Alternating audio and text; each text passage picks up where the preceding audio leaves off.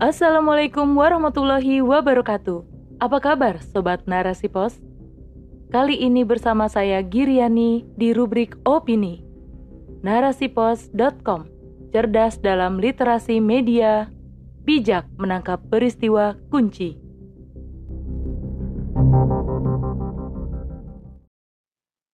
Kekurangan perempuan dalam berpikir dan beragama, bagaimana Islam memandang?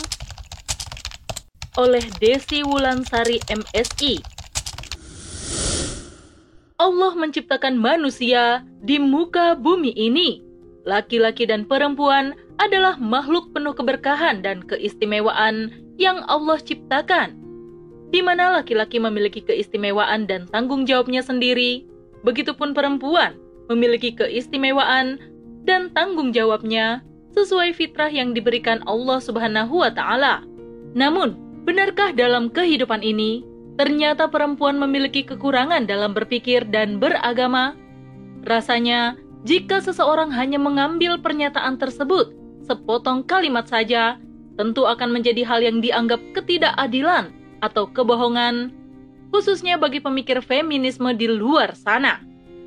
Bagi mereka, seorang perempuan memiliki kesetaraan gender dengan laki-laki dan memiliki kesempatan yang sama untuk berada pada posisi apa pun dalam kehidupan. Sehingga penting bagi umat muslim untuk memahami bahwa pemikiran kaum feminisme itu sangat keliru. Dalam Islam, seorang perempuan memiliki kedudukan yang sama tingginya dari laki-laki. Karena perempuan memiliki keistimewaan yang lebih dari laki-laki. Terlebih jika seorang perempuan berubah statusnya menjadi seorang istri dan memiliki anak, sehingga berubah lagi statusnya menjadi seorang ibu, maka kedudukannya tiga kali lebih tinggi daripada kedudukan seorang ayah. Seringkali orang keliru memahami maksud dari kekurangan yang dimiliki perempuan, khususnya dalam berpikir dan beragama. Maka, kita perlu memahami apa saja yang harus diketahui seorang Muslim dalam menyikapi hal tersebut, sebab tanpa ilmu, semua pernyataan akan menimbulkan kesalahpahaman dalam memaknainya. Dan inilah hadis-hadis yang dimaksud Rasulullah Shallallahu Alaihi Wasallam terhadap kekurangan yang dimiliki seorang perempuan. Di antaranya, dalam satu riwayat, kami mendengar hadis yang berbunyi, perempuan mempunyai kekurangan dalam pemikiran dan agama.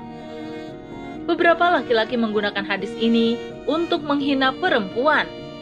Sabda Nabi Shallallahu Alaihi Wasallam, "Aku tidak melihat seorang pun yang mempunyai kekurangan dalam pemikiran dan agama lebih daripada kalian." Mereka bertanya, "Ya Rasulullah, apa keterbatasan kami dalam pemikiran?" Nabi Shallallahu Alaihi Wasallam menjawab, Bukankah dalam kesaksian dua orang perempuan sama dengan satu orang laki-laki? Mereka bertanya lagi, "Ya Rasulullah, apakah kekurangan kami dalam hal agama?"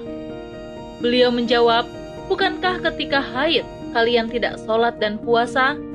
Hadis riwayat Bukhari dan Muslim. Dari hadis yang disampaikan beliau di atas, inilah beberapa hal yang Rasulullah Shallallahu Alaihi Wasallam maksudkan bahwa perempuan memiliki kekurangan dalam berpikir dan beragama, di antaranya kekurangan dalam pemikiran. Satu, kelemahan daya ingat dan untuk menguatkan kesaksiannya diperlukan perempuan lain. Hal tersebut dibutuhkan karena adanya kekhawatiran perempuan itu lalai atau mungkin menambahkan sesuatu pada kesaksiannya. Kekurangan dalam beragama. Satu, ketika haid atau nifas, mereka tidak sholat maupun puasa. Dua, mereka tidak perlu mengkodo sholat yang mereka tinggalkan. Tiga, merupakan rahmat dari Allah Subhanahu wa Ta'ala bagi perempuan yang sedang haid dan nifas diizinkan untuk tidak berpuasa. Sedangkan untuk sholat selama masa haid, ia berada dalam suatu keadaan yang tidak memungkinkannya bersuci. Empat, merupakan rahmat dari Allah Subhanahu wa Ta'ala bahwa dia melarang perempuan untuk sholat pada saat sedang haid dan nifas. 5. Karena jika seorang perempuan berpuasa pada waktu haid, hal itu akan membahayakannya.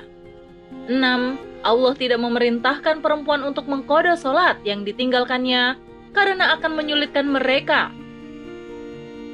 Kekurangan perempuan dalam berpikir dan beragama bagi mereka tidak membuatnya berdosa.